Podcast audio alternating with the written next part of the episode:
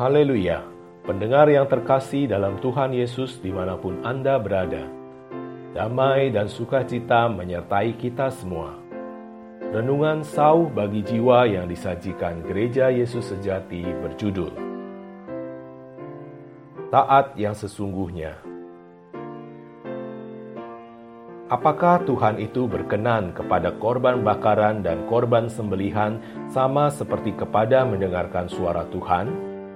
Sesungguhnya mendengarkan lebih baik daripada korban sembelihan, memperhatikan lebih baik daripada lemak domba-domba jantan.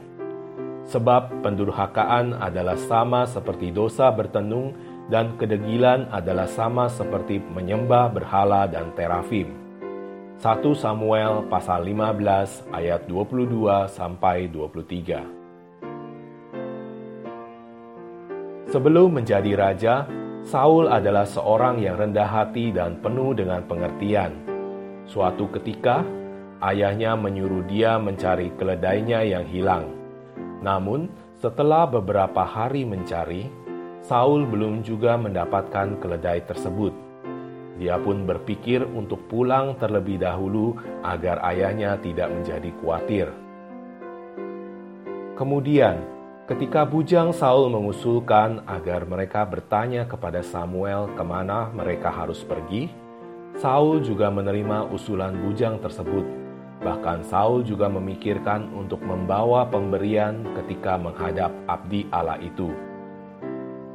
Ketika Samuel mengatakan bahwa dia dan seluruh kaum keluarganya memiliki segala yang diingini oleh orang Israel, Saul dengan rendah hati mengatakan bahwa dia berasal dari suku Benyamin, suku yang terkecil di Israel, dan kaumnya adalah kaum yang paling hina dari segala kaum suku Benyamin.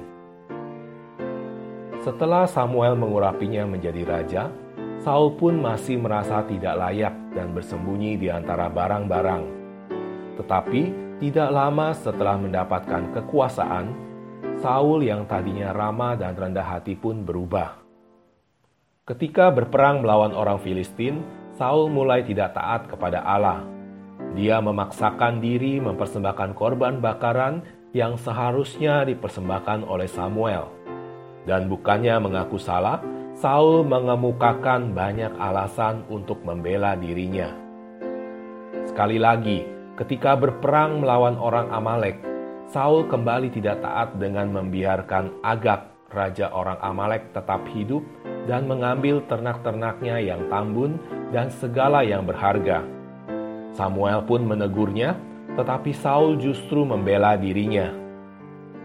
Hari ini, Apakah kita benar-benar taat kepada Allah dalam melakukan berbagai pekerjaan kudus di gereja? Atau seperti Saul yang hatinya dikuasai oleh keinginan dan pemikiran pribadi sehingga tidak lagi taat kepada kehendak Allah? Taat mudah untuk diucapkan dan mudah untuk diajarkan, tetapi sulit untuk dilakukan sepenuhnya. Sebagai manusia yang lemah, kita lebih suka bertindak menurut keinginan dan pemikiran diri kita sendiri daripada berbuat sesuai dengan firman Allah. Hari ini, marilah kita merenungkan apa yang diperingatkan oleh Samuel. Walaupun kita tidak bertenung dan menyembah berhala, tetapi apabila kita tidak mau mendengarkan suara Tuhan dan memperhatikan kehendaknya, sesungguhnya kita telah melakukan dosa yang sama, seperti dosa bertenung dan menyembah berhala. Tuhan Yesus menyertai kita semua. Amin.